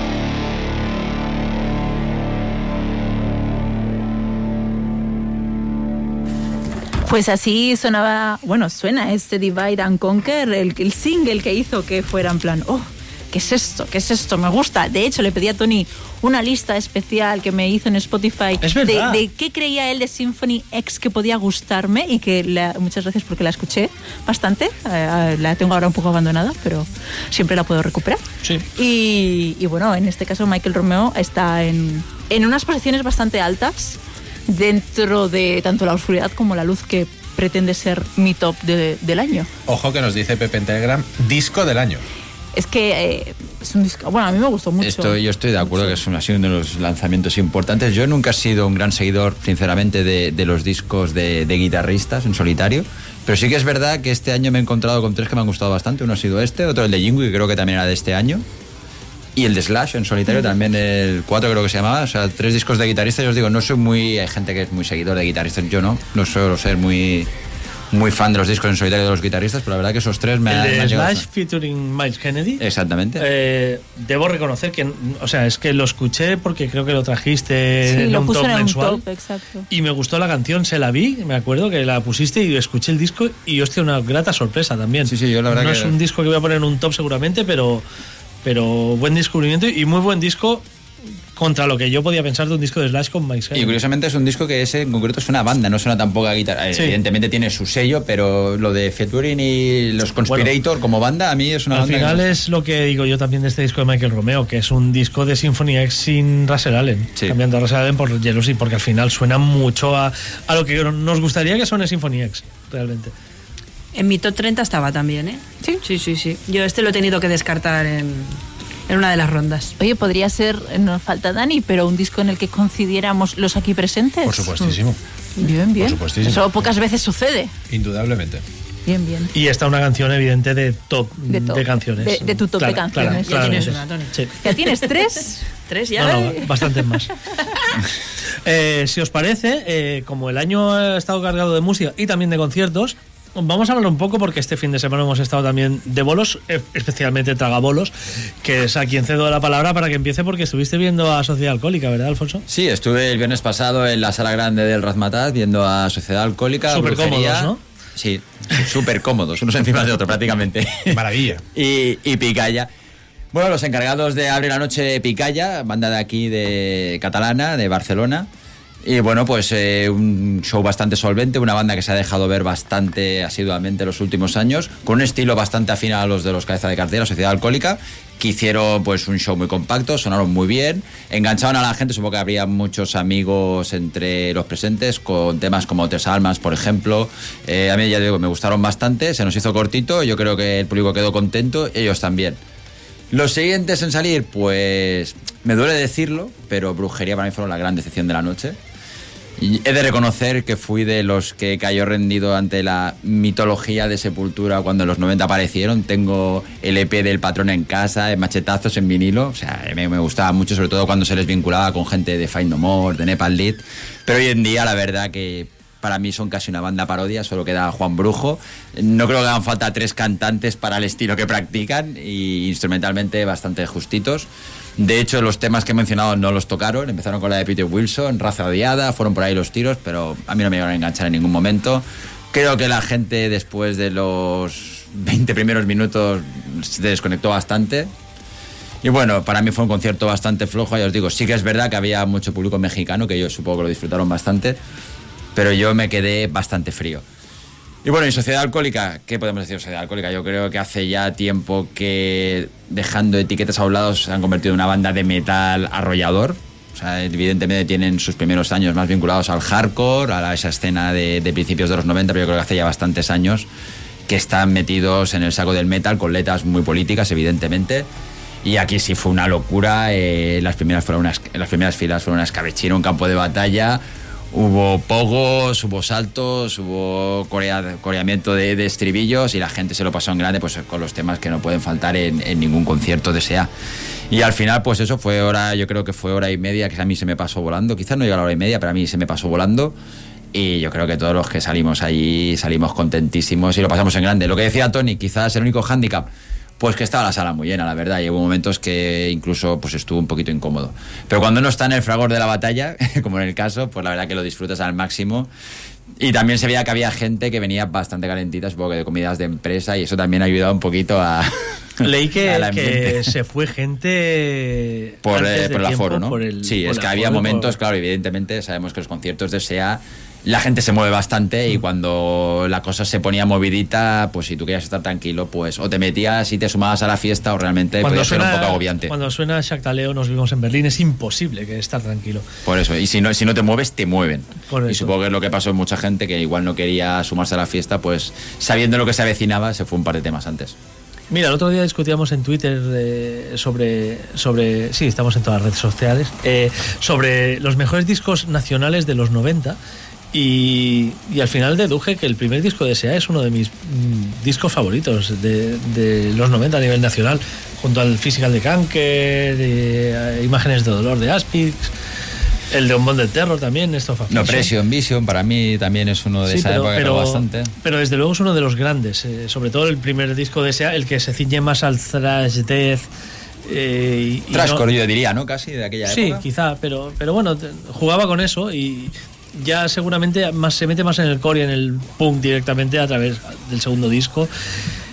Y yo veo más trashcore quizás Ratas, ¿no? Que tiene un sonido más groove también, con unas guitarras más, más, más poderosas también. En ese sonido pues que arrastraba Pantera, Aspid, pues grupos de... Yo creo que esa es la puerta de entrada que hablaba ahora de, al metal, ya cuando ya empiezan ya un poco, quizás en el segundo, en el IS que tanto hablas, cuando Juan decían que habían aprendido a cantar, cuando hubo gente que se desmarcó, la gente más core se desmarcó porque hacían la versión ya de Barón, de, de Rojo, ¿era? Eh, de Obús, eh, de Obús era el dinero, ¿no? Sí, dinero, dinero, sí, cierto. De Obús. Yo creo que ya hay mucha gente que venía más de la escena hardcore que se desmarcó ya un poquito de. No, pero yo recuerdo en, mi grupo en el instituto de, de Heavis, todos estábamos locos con el primer disco de Alcohólica. Sí, sí, todos, todos y lo difícil que era en la época entender las letras, que todos íbamos exacto, Exacto, sí, sí, porque además estaban traducidas directamente del euskera, que es como las escribía Juan, estaban traducidas y métricamente no coincidían. Y claro, te cortaba una palabra por la mitad de una frase a otra. Era, era brutalmente difícil, pero claro, cuando las entendías las cantabas a, a pulmón, porque además eran muy reivindicativas, con 16 años. Son letras que te, vamos, que te llenan a saco. Y, la verdad es que yo cuando los vi hace poco en el Pueblo Español, en, el, en un Barnard Roll, lo disfruté tremendamente, sobre todo las canciones aquellas de la primera época, Perra Vida. Hay canciones que cuando suenan eh, contra la agresión, castración, Sí, pero evidentemente los clásicos son, son imbatibles, pero es que los temas que han ido facturando en los últimos años, no diré que estén al nivel, pero también tienen su mensaje político y, y la banda musicalmente aporta mucho más matices que antes no tenían. Y yo creo que al que ha seguido la trayectoria de la banda no solo se ha quedado los primeros discos, actualmente hay temas que tienen visos de, que van a quedarse en el repertorio durante muchos años porque son temas de mucha calidad y que enganchan, ¿eh? Realmente. Pues tendré que ponerme con ello porque no estoy muy puesto, la verdad. Pues eh, eso fue el viernes, el, sábado, ayer, el sábado estuvimos en el eh, decimotercer Metal Cova Fest, sala bóveda, con un cartel que, según reza aquí mi entrada, originalmente eran Venator, una banda canadiense, Alien Force, Dark Quarterer, los italianos, una de las bandas que es una de, mis grandes eh, deudas en directo, y Gravestone, la mitiquísima banda alemana. Pues se cayó en Gravestone eh, mucho hace, hace varias semanas, eh, entraron trans en su lugar, se cayeron Dark Quarterer tres días antes del festival, entraron Nigromante, una banda madrileña que creo que sobraron absolutamente en el cartel. Creo que hay bandas en Barcelona mucho más competentes para, haber cubierto ese, ese hueco en el cartel. Pero aún así, pues mira, vas porque es una asociación, que hace gracia apoyar, que te encuentras con la gente siempre que es, que es un plus añadido este concierto. Y a nivel eh, de conciertos, pues Venator, los canadienses, una gente joven. Tony, permíteme que te corrija. Venator no son canadienses, los Venator que tocaron son ah, austriacos. son, austriacos. vale, no son los canadienses. Es que, hay otra banda, sí, hay unos canadienses. No. Yo pregunté a alguien y, me, y, le dije, ¿de dónde son esta gente? Y me dijo, canadienses. No. No lo, no lo había ni comprobado. Es un nombre recurrente. Me extrañaba bestialmente que viniesen de Canadá para hacer 40 minutos. Austriacos, austriacos. Los austriacos. Bueno, pues empezaron los austriacos Venator es que no sonaban nada canadienses, cierto. Y además la pinta que tenían de alemanes, que yo pensé, el cantante por lo menos es alemán, aunque sea, aunque viva en Canadá. Eso ya me cuadra más. Eh, pues Venator Austriacos, eh, hay que avisar a Alfredo Alarcón, que estaba conmigo preguntando de dónde eran y... bueno, ya lo habrá dado cuenta porque compró los discos, o sea que seguro que... Ah, bueno, pues si, si él ha comprado los discos, ahí, lo habrá visto. Pues eh, una banda solvente, bien, estuvo bastante bien, pero a mí me pareció bastante plana. A mí la verdad que me dejó unas buenas sensaciones porque es un heavy metal que a mí me gusta, heavy de, de mallas y bigotes, como para entendernos, y mucho parche. Y la verdad que me gustó la mezcla de, ese heavy con toquecitos speed y mucha velocidad y también algún tema más rockero. Yo creo que el equilibrio eh, estaba bastante bien. Sí que es verdad que me pareció que su cantante dio mucho al principio y al final llegó un poquito justito. me dio la sensación. y al final del festival estaba más justo, porque estuvo ante el público además gritando todo y, y la verdad es que se lo pasaron bastante bien. Sí, ¿eh? una banda joven que ya te digo, a mí sí que me gustaron y creo que, les voy a seguir la pista de, a partir de ahora. Los madrileños Nigromante, bueno, tenían en sus filas como bajista al guitarrista de Hitten y como batería el Serra de Rancor y otras bandas y demás. Una formación que a priori parecía que, prometía algo, pero que a mí en la práctica no me transmitió nada. Me parece, bueno, fue, fue un rato que que la sala se vació porque con Venator estaba bastante llena. Y la gente muy entregada, ¿eh? Con muy entregada. Y en cambio con, con Nigromante se vació. Yo aguanté todo, todo el bolo de Nigromante, pero igual me tenía que haber ido también porque la verdad es que me aburrieron soberanamente. Eh, un par de versiones, una de, Manila, Road, Y, una de, de Holocaust, el Heavy Metal Minia, que también versionará Gamma Ray. Eh, bueno, está bien porque sabes que hay cómo hay que versionar una canción, que es el caso de Gamma Ray, y cómo no hay que versionarla, que es el caso de Nigromante. Eh, lo siento por los chavales, no tengo nada en contra de ellos en especial. Sí que es verdad que me dolió bastante la cancelación de Dark Quarter, que era mi motivo principal para, ir a este, a este festival. Ellos no tienen culpa, evidentemente, ellos les han propuesto estar ahí y estuvieron, pero creo que, que eran algo disonantes en ese cartel ni siquiera está estilísticamente. Eh, no, no, ha pegado mucho con, lo que es a priori la filosofía del cartel o por dónde iban las otras bandas del cartel. Sí que es verdad que curiosamente entre la gente que había allí había, había mucha gente, dices tú, se fue, gente que como yo los miramos no los tenía muy controlados, pero sí que había gente que era seguidor y que iba no especialmente a verlos porque fue a última hora que se sumaron, pero sí que tenía bastante interés. No, pero habían bastante colegas, porque ya, lo, ya, lo, dijo el cantante que, que, que gusto ver entre el público tanta cara conocida y, es cierto que, arrastraron a bastantes colegas. Eh, sí que es verdad que ellos también me pareció que estuvieron, sobre todo al principio, un poquito fríos. Sí. La forma de dirigirse. Luego ya se fueron entonando un poquito, pero aparecieron un poco. Yo creo que ellos sabían también que estaba en una situación difícil, venían a cubrir una baja importante. Sí, había gente que había que iba especialmente a ver. El esfuerzo se reconoce. Además, luego estuve un, rato durante la actuación de Trens, estuve a su lado y se lo estaban pasando pipa viendo, viendo a los alemanes. O sea que, que bueno, eh, le salió bien la jugada al final. Yo creo que el resumen es que fueron de menos a más. En, mi caso empezaron un poquito frío y al final, bueno, acabaron con las versiones y eso, pues la gente se animó un poquito, pero bueno. Lo que dices tú, estadísticamente no acaban tampoco de casar mucho. Empezó, a entrar, empezó a entrar gente para ver a Alien Force, yo creo que los triunfadores de la noche. Indiscutiblemente. Yo, se lo pasaron, primero la gente se lo pasó en grande, y, ellos mejor que la gente, o sea, estaban literalmente flipando de la respuesta de... Sacando móviles y grabando vídeos ellos todo el rato desde el escenario, sí, sí. Parecía que eran ellos los que estaban disfrutando de la respuesta de, un público que se cantó, vale, que son canciones relativamente sencillas, pero todo el mundo coreó los estribillos, eh, estaba la banda súper entregada y el público, vamos, entregadísimo. Sí, sí, es lo que decíamos, ¿no? Parecía que, que, se toquen el lugar ¿no? de 5 de Judas y de ahí iban sacando canciones. y, y, entre eso y un poquito sonido Accept también. Sí, algo de Saxon también. Sí. Bueno, muy, muy divertidos, muy entretenidos y un muy buen concierto. Y cerraron la, la fiesta Trans, Trans la, la banda germana, con un vocalista muy joven, holandés, que nos comentaba que había salido esa misma mañana de, de su casa con nieve y que había llegado a Barcelona a 18 grados y la gente decía que frío. No sabéis lo que es el frío. Eh, claro. Un tío bastante solvente a la voz, pero que empezó sin escucharse su voz. Eh, hasta medio concierto, más o menos, no, no sé. Por eso gritaba como gritaba. ya, muchísimo. Vaya, tonalidades agudas. Sí, La habíamos tenido ocasión de ver, creo que fue en 2018, cuando vinieron con, con Envil.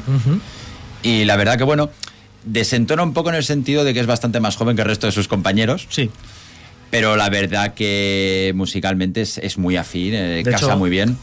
o sea, este chaval nos dijo que había nacido en el 92 Y cuando presentó al guitarrista fundador de Trends, dijo que fundó la banda en el año 79. Exacto. 13 años antes de que naciera el cantante. Es curioso, es curioso. Y si bien es verdad que quizás no estuvieron al nivel de la banda que toca antes que ellos, pues sí que hicieron un, para mí hicieron un show bastante Yo creo que en este caso sí que fue bastante de menos a más y bastante bastante por culpa también del sonido, que no, no le acabaron de, encontrar el punto al sonido hasta como Sí, un poco estridente estaba todo. Estaba... A medio concierto empezó a sonar algo mejor y, y, a partir de ahí la cosa fue para arriba. La gente además muy entregada también ayudó un montón. Y en definitiva, no vimos a Gravestone, no vimos a Dark Water, pero al fin y al cabo disfrutamos de otra edición del Metal Coma, que era lo que se trataba. Y, como apunte, Tony, permíteme que, que remarque, quizá no lo hemos dicho, la buenísima entrada que hubo en la sala. Sí, sí, tremenda. además, a las cinco y media, cuando empezó Venator, ya estaba muy llena la sala. Sí, sí. Bueno, lo celebramos siendo un evento de estas características, sobre todo. Y esperemos que ya para el año que viene haya ya que tengan más suerte a la hora de, confeccionar el Yo escuché un par de nombres que, que, yo ya dije, no vuelvo a comprar anticipada por la marranada esta de Dark Water y Greystone y ya escuché un par de nombres que me la compro mañana si la sacan. sí, tiene eso que ver, pero no, no adelantaremos nada. Y, que también recordar que aparte de, lo que es el festival, pues eh, la Asociación Metal va organizando conciertos, algunos gratuitos muy interesantes con bandas jóvenes de aquí durante el año que cuando se hagan, pues los anunciaremos aquí y que vale la pena siempre pasarse por allí, tomarse algo y ver los nuevos valores de la escena, pues cómo se va a tener el cobre sobre el escenario. Ciertamente. Eh, y para acabar ya con el tema de los conciertos y para dejar que te vayas a ti, Alfonso, además te voy a pedir la, opinión, el primero. Eh, escoge algún, alguna fecha, algún concierto de este año como resumen de 2022. Hombre, yo he ido a unos cuantos conciertos, menos de los, sí, menos de los que me gustaría. Pero creo que lo tengo y yo creo que los que mejor lo tengo bastante claro porque fue, yo creo que fue este verano que fue Testament, Exodus y Hizen. O sea, es, fue la lección de zapatilla pura y dura. Sé que a algunos nos gustó, pero la verdad que para mí fue un sueño húmedo, no os voy a engañar, o sea, fue de tres bandas. es el cartel que hubieras hecho tú si te dicen. No, habría puesto Slayer para cerrar, pero bueno. y, morir ya después de todo. Y de ahí, pues bueno, hacia adelante. Y bueno, sí, porque aparte las tres bandas presentaban discos que, que la verdad que, me han gustado. El de, perdón, el de, el de Testament, Titans of Creation, discazo. Persona non grata, también discazo. Y el de Gizen, pues Empire of the Blind creo que es, que era un poquito más anterior y también otro discazo. Y tres bandas que a mí ya os digo, me pone mucho y me lo pasé en grande. Fantástico. Eh, si quieres ir recogiendo tú mismo. Sí, eh, simplemente un segundo para desearle a la audiencia, pues eso, feliz Navidad y próspero año nuevo y nos escuchamos ya el año que viene aquí en el octavo día. Gracias, Alfonso, por tus aportaciones y seguimos en redes. Eh, Inma, escoge algo. Mm, pues así, claro, a mano armada. A mano armada. Eh, yo creo que el de Hit voy a destacar. Mm, no por eh, gran preparación del escenario ni nada por el estilo, pero por la vuelta de Kenny, que la verdad que a mí me, me apetecía mucho verlo de vuelta. Tampoco por los teloneros, los Temple Balls, que... Eh, bueno, pero bueno, Hit a mí me gustó mucho, mucho. Es uno de los que más he disfrutado. Quizá con el de Eclipse serían los dos conciertos que más, de los dos conciertos que más he disfrutado este año. Sí. Dani, a diferencia de Alfonso, este año ha sido un mal año. Ha sido un año malísimo, además ha sido un año complicado en lo personal, pero... Bueno, una cosa lleva a la otra, básicamente. Sí, sí, correcto. Pero mira, me parece que el, eh, último concierto al que he asistido fue el 2 de diciembre en Sarraz Mataz, que fue el de Airborne, camiseta por cierto, que ilustra el pechaco de Alfonso a día de hoy. Ilustra también muy bien lo que espero ha, sido el final de año y vaya a ser el año que viene, que es ver a una de mis bandas favoritas de nuevo y gozarlo lo más grande en, delante de un escenario. Así que me quedo con Airborne, evidentemente. Sí, antes que Maiden. Sí, sí, sí, por supuesto. Genial. Pues yo este año he ido a poquitos conciertos, eh, mayormente culpa Renfe, así de claro. Y he, seleccionado, he mirado, porque tengo mi Excel de lo que he asistido, y de metal me quedo con el concierto de Celeste y con Jurer, que tuvo lugar el pasado 4 de marzo en la Sala Bóveda. Me gustó muchísimo. Son eh, Conjurer fue como un descubrimiento que me flipó. De hecho, han sacado disco este año y están en un candidatos del top. Y Celeste los he visto unas cuantas veces, bastantes ya, pero es que tienen un directazo que me gusta mucho. Entonces, de metal, ese de no metal, pues Hans Zimmer y, también la ópera de peleas de Melisandre en el Liceu. Pero de metal, Celeste y Conjurer. Yo, eh, por es imposible prácticamente destacar uno solo, pero así ahora que me vengan a la memoria, hay tres momentos muy claves en este año. Uno fue en Rockfest, que además decir que Rockfest, pese a todas las dificultades y todo lo mal y toda la crítica, fue un festivalazo al final. Y ahí viví uno de los momentos cumbres con Blind Guardian tocando el... Eh, enteramente ese bueno eh, el, ¿no? No, no, no, Imagination no, el Somewhere Far Beyond. Somewhere, Far Beyond que hacía 30 años. Además, en, prácticamente con días de diferencia del, aniversario, del 30 aniversario, y con un solo guitarrista además, cosa que hizo que fuera distinto a lo, a lo habitual. Fue un concierto mágico realmente, pero más mágico aún podría decir que fue el de Atlantean Codex en el Pirinean eh, Warriors. Eh, Creo que fue, bueno, todo, fue una conjunción bestial, una luna llena en el cielo, un escenario impresionante, un setlist increíble, creo que creo que pocos conciertos me han marcado tanto como ese Adelante Ancodes, pero no puedo dejar de nombrar sí o sí, lo del pasado 23 de noviembre en Razmataz, y es que lo del 30 aniversario de Opez, tocando 13 canciones, una de cada uno de sus discos, eh, es, de, lágrima directamente. Hubo momentos de, de piel de gallina máxima.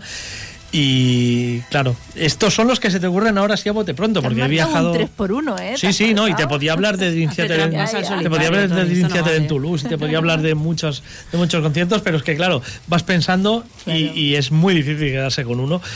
Eh, seguramente me quedaría con el de Opez, pero no puedo, no puedo, los otros dos no puedo descartarlos porque sobre todo ya digo, lo de London Codex fue magia, pero magia en estado puro, literal.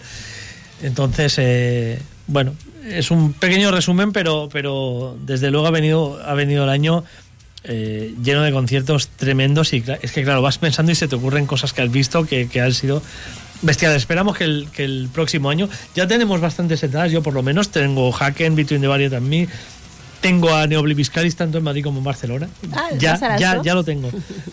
Yo creo que voy a empezar el año con Vidras, en la NAU, enero. Cuando vayas a Vidras, yo ya había visto a Fleshgo tampoco, eh, a Dream Theater, a Chet Kane.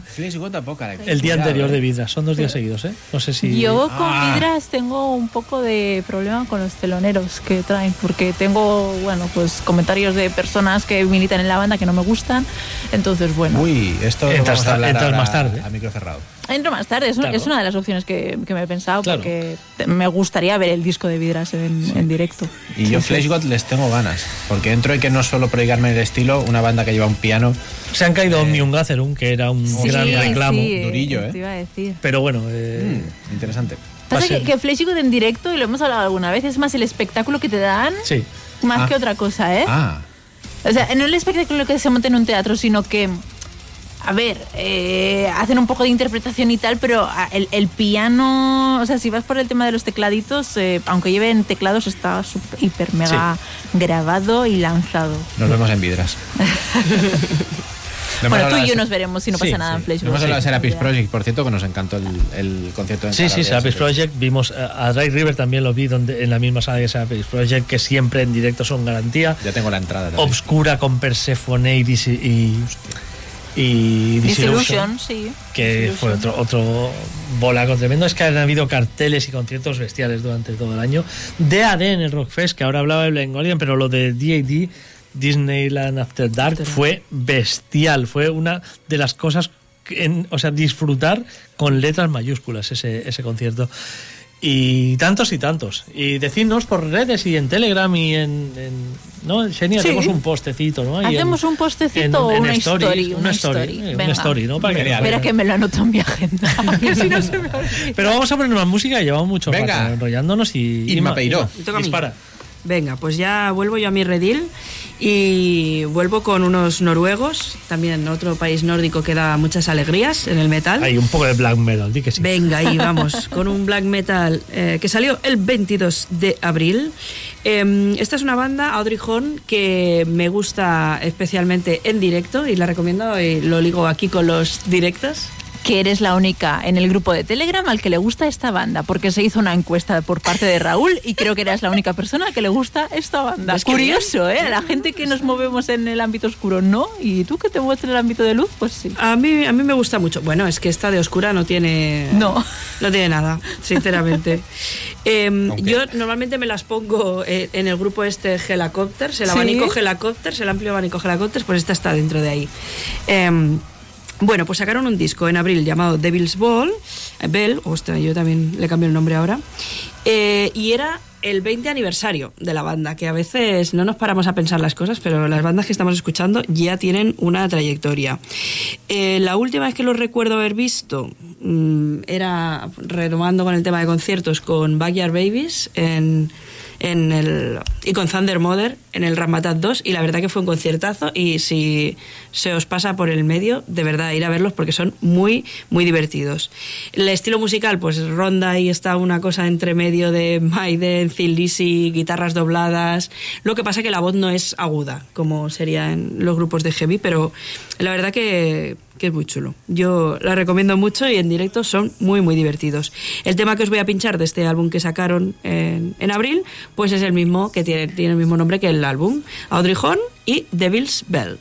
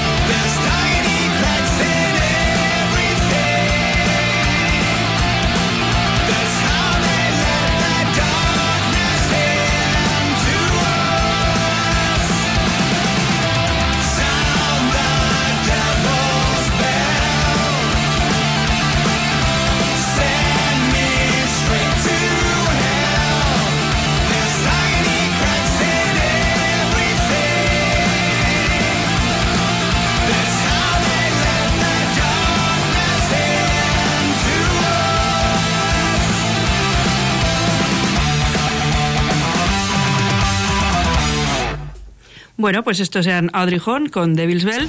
Eh, como habéis visto, guitarras dobladas, líneas de bajo perfectamente audibles y la voz trata de una manera que no sobresale, al contrario que las bandas clásicas, donde la voz quizá era más imperante, aquí se pone más un poco al servicio de la música. En directo, muy divertidos y bueno, eh, estaban ahí también, han estado pujando en mi lista, pero al final los he tenido que descartar, muy a mi pesar. Pero me ha gustado mucho el último trabajo. Es una banda que está teniendo mucho boom, o sea, tú les cualquier medio o, sí, te iba a decir foros, pero creo que eso ya no se estila. Ay, qué vintage. Ahora es Twitter. O Facebook, sí, o Facebook o lo que sea. Y, y tiene como mucho boom, sobre todo entre los oscuritos. Y yo por eso la, me la puse a escuchar. Debe ser porque igual tiene alguna relación, esto tendríamos que preguntarle a David, que es el que me saca las relaciones claro-oscuro, pero igual es que alguno de los músicos que está en Audrey Horn toca en en alguna en alguna banda black o lo que sea. y, entonces lo escuchan como por curiosidad y luego ya cuando lo oyen te lo descartan evidentemente. O, no. O no, pero... pero debe ir por ahí la cosa porque igual que él sacó muchos grupos que el fulano de Hera toca aquí el otro toca allá puede ser que pase algo así pues siendo de Noruega pues yo qué sé. Sí sí se conoce habrán dicho barbacoa sí sí, sí en concierto aquí vinieron Rasmatat 2 pero también venían con Backyard Babies con lo mm. cual eh, es que entre los dos pueden llenar Rasmatat 2 si viniera solo Mm. Ya. Mm. Ya. No te. También es cierto que los festivales, cuanto más al norte te vas, más gente llevan. Eso también es verdad. Sí, que igual aquí más al sur de Europa llevan a menos gente. Yo no sé si los traería. Es que a una esquina no los veo tampoco. O sea que. Estos, si, si, vinieran, tendrían que venir algo rollo Rockfest o algo así, porque para el resto tampoco cuadrarían. A pesar de lo que dices que les, les gusta a la gente oscurilla, no los veo de un reso y ellos tocando solos, ya. poquita, poquita entrada. Pero bueno, veremos, veremos, a ver qué, cómo sigue la cosa. Si vienen a presentar el disco en algún momento, ya os informaré. y ahora no sé qué le toca. Pues me toca a mí. Me toca a mí. Y... me toca a mí, lo dices como que qué pena. No, no, me toca a mí y, y, vamos a ponernos serios de una vez porque es verdad que estamos poniendo a bandas que no van a entrar en nuestro top 10 seguramente. Yo voy a poner una banda que no solamente va a entrar en mi top 10, eh, lo digo claramente, cuando, cuando he conseguido ordenar las 33 bandas, 33 ahora, que Gladenfall ha entrado, ha irrumpido, porque eran 32, eh, conseguí ordenarlas, me quedaron 10, con mucho dolor hice del 10 al 6. Bueno, 10 y 11 me costó mucho, porque entrar en el top 10 o no, parece que no, pero, pero es, es ahí un, un grado. Eh, vale, conseguí hasta el 6, pero los 5 primeros no es un top 5, es un top 1 5 veces.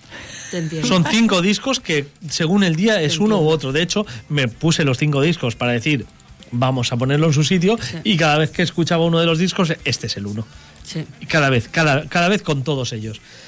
Pues uno de esos 5 discos que va a estar en mi top 5 salía este pasado 9 de diciembre y efectivamente he contribuido a, engrosar el PIB de Chipre. Sabemos que es el país más rico de, la Unión Europea. y no es casual. Eh, Always to Titans es el nuevo trabajo de Ryan Paz, esa banda con la que soy muy pesado, pero es que creo que se lo merecen porque es una, un escándalo y es una nueva epopeya épica, eh, un canto de Bágoras, uno de los eh, primeros eh, de las bueno de los primeros héroes chipriotas realmente que, lucharon pues en época de, Alejandro Magno, de Alexander the Great. De hecho ya habla de aproximadamente un siglo después. Primer disco enteramente conceptual de, de la banda sobre la leyenda de Bágoras. Y esto es una locura de disco. Hay melodías épicas, por doquier, mires a donde mires, escuches la, pieza que escuches, pasajes más de Epic Doom, eh, pasajes más heavies, algún pasaje más power, pero sobre todo una instrumentación y Nicolás Leptos, creo que mejor que nunca a las voces. Agree. Pero, o sea, está en un nivel vocal extraordinario. Eh, y así es como empieza el disco, además, con una demostración bestial de Nicolás Leptos y con una canción que tiene todo lo que tiene este disco. Estribillos grandilocuentes y épicos, a la vez que melodías eh, tremendas y, bueno, os dejo que lo, que lo escuchéis porque es que me pasaría la noche eh, dando epítetos sobre, sobre un disco que... Si, es, si bien es cierto que me pasó como, como me ha pasado en tantas ocasiones, que es que al principio... Eh, claro, te esperas tanto, lo hablábamos antes, ¿verdad, Xenia? Te esperas tanto de una de tus bandas favoritas que la primera escucha es eh, vaya.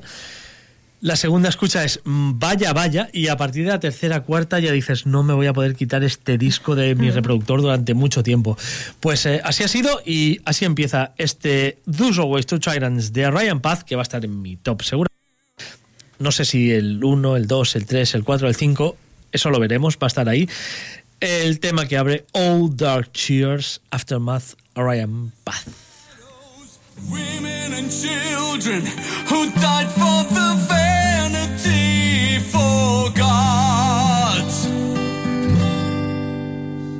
He wrote the clouds in the sky,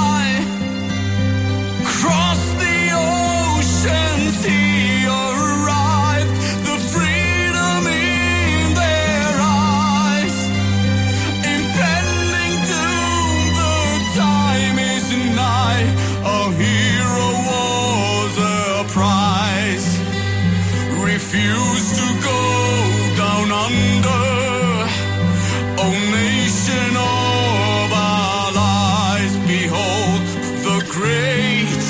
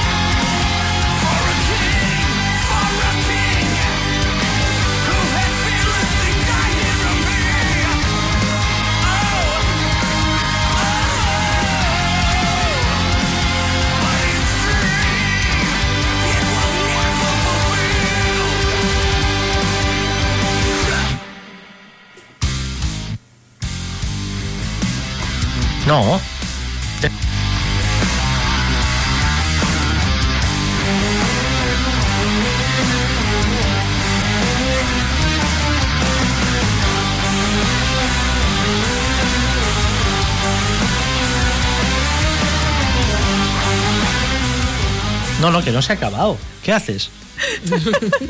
No se, no se puede cortar un tema Ryan Pasenia.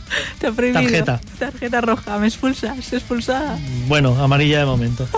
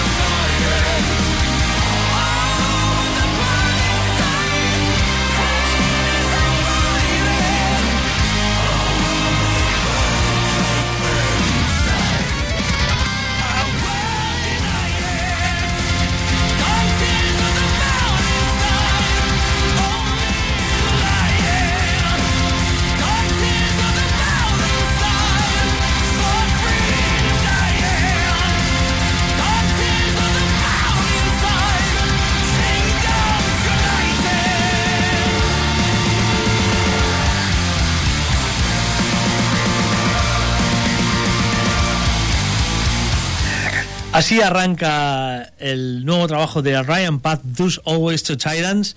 Eh, es absolutamente glorioso. O sea, no puedo. O sea, no puedo. Ya está, directamente no puedo. Os dejo con el segundo corte, Dio Sorper. No, es broma. bueno, gráfico del último momento. Es broma, es broma.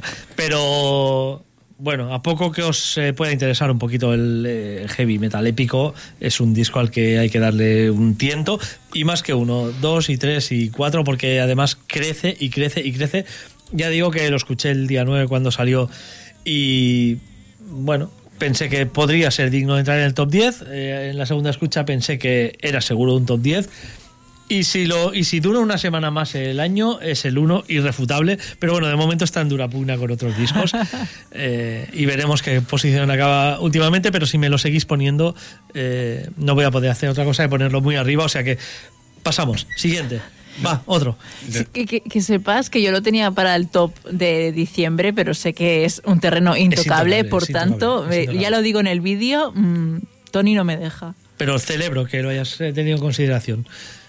Con lo- hombre, con la de- Con lo pesado que con soy. lo pesado que Con lo es, pesado que pues soy. me acaba gustando. Joder. Bueno, con iniciativa soy más pesado y no te acaba gustando. También, Depende. es verdad, es verdad. Niope. Recuerdo un, post en Facebook en su día, en 2013, cuando iba a salir el For Stigmata, que Nicolás Leptos decía, esto va a ser tan épico que la policía de la épica va a venir a detenernos a todos. Pues con este Those Always to Tyrants, Sí, no, no, en- es entre rejas. Esa frase se merece un meme. Sí, Los sí. creadores de memes, pensad algo. Sí, me Lo veo, lo Fue- veo. Aquello fue, fue una risa. Eh, en fin, seguimos. Cuando nos queda media horita para finiquitar este 2022 en el octavo día, yo me he trasladado de nuevo a Finlandia. Curiosamente, y aunque antes eh, con Gladenford me he metido en un terreno que podríamos decir que es realmente muy finlandés, este a lo mejor no tanto. Rust and Rage presentaban su tercer álbum y creo que se puede resumir muy fácilmente. Uno de los mejores discos de hard rock del año porque tiene temas como este The Throne.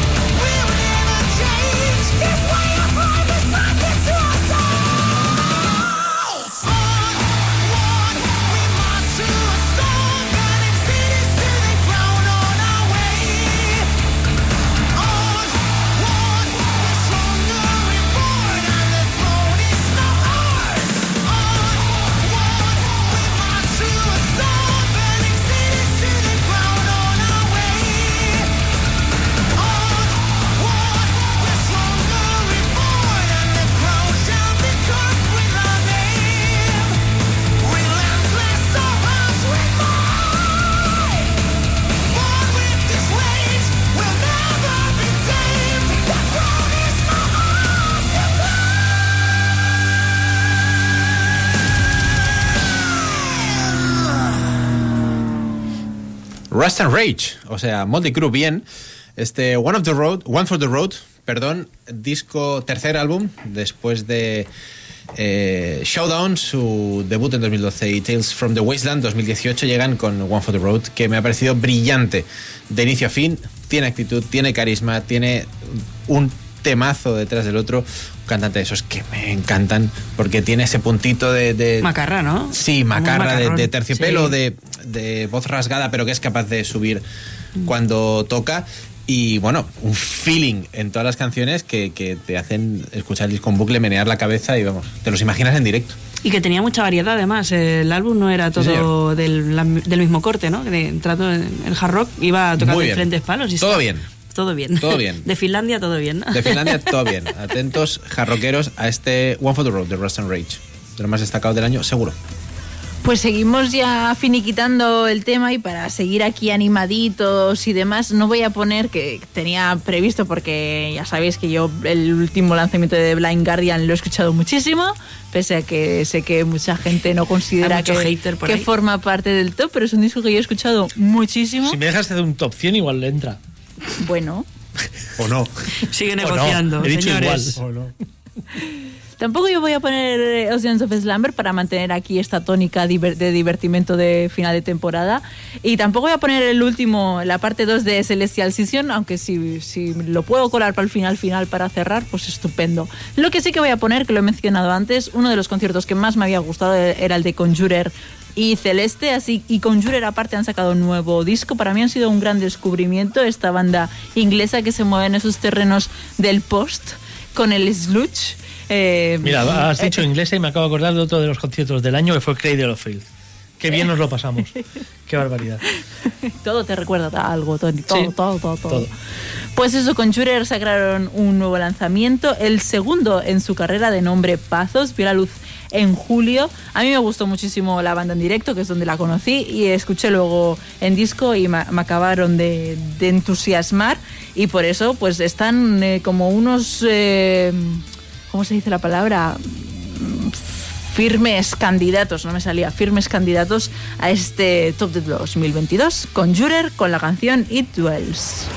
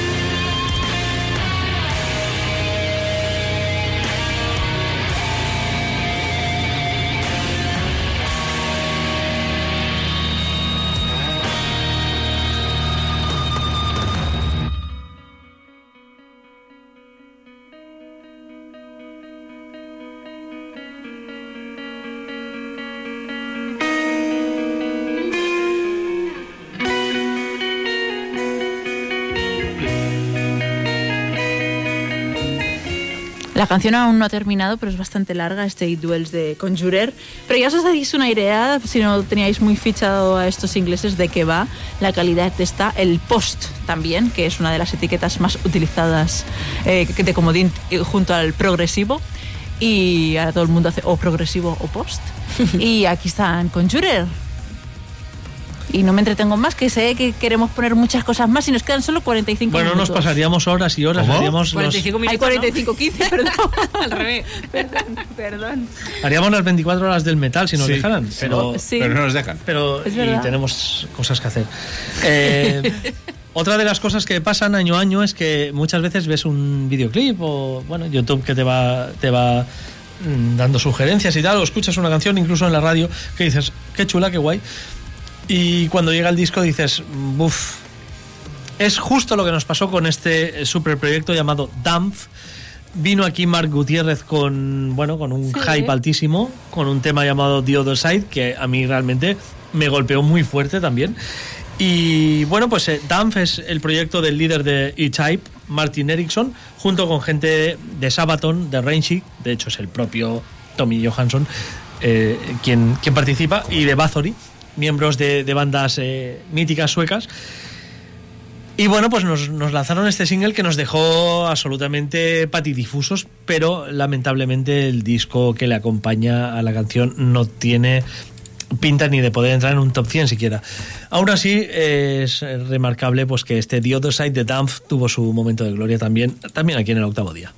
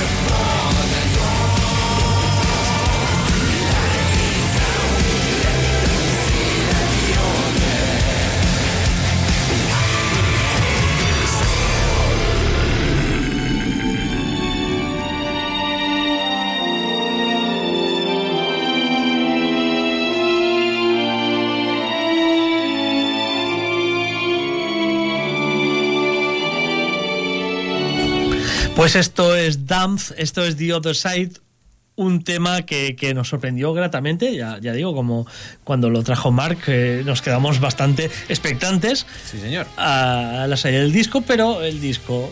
Pero no. No. Pero no. No, no, no nos dio lo que nos prometió o por lo menos no nos ha llegado y creo que es una opinión bastante generalizada y la hemos tenido también con toda esa gente que está también en el grupo de Telegram que, que realmente pues ahí tuvimos también ese, ese, cierto subidón y el bajón correspondiente cuando salió el disco. Pero subidón es lo que nos presenta Inma para creo que ir cerrando, ¿no? Sí. Eh, bueno, presento yo, pero creo que lo podríamos presentar cualquiera de los tres porque me parece que, bueno, a raíz de esa súper entrevista, o no sé si fue al revés, fue primero hubo la gallina cualquiera de los tres. Ah, de los que estamos aquí. Xenia seguro. En la mesa, Yusenia, bueno, si se quiere subir al barco se puede no, subir también. No, yo, yo os miro desde abajo. o desde arriba. O desde arriba también. Desde arriba. Eh, bueno, pues un, otro de los esperados retornos eh, al mundo del metal, en este caso nacional, oh, sí. fue el retorno de Ramón Laje.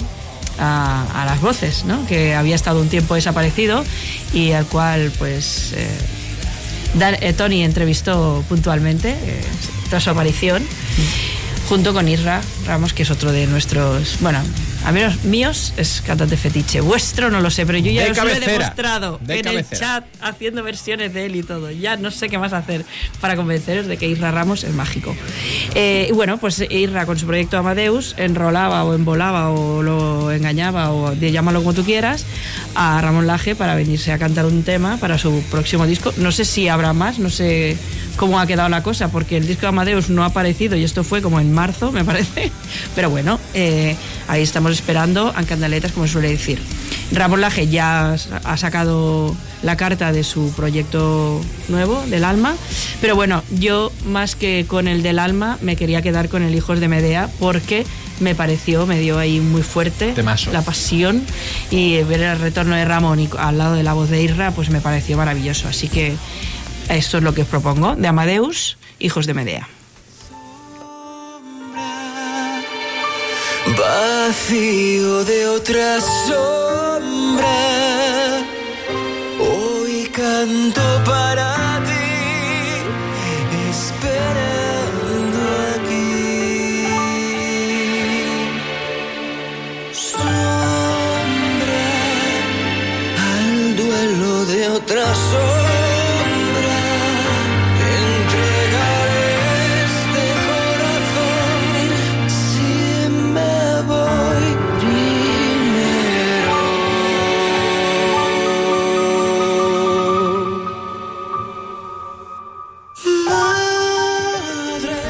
Aprovechamos antes de que venga aquí el boom potente de la canción para despedirnos del año.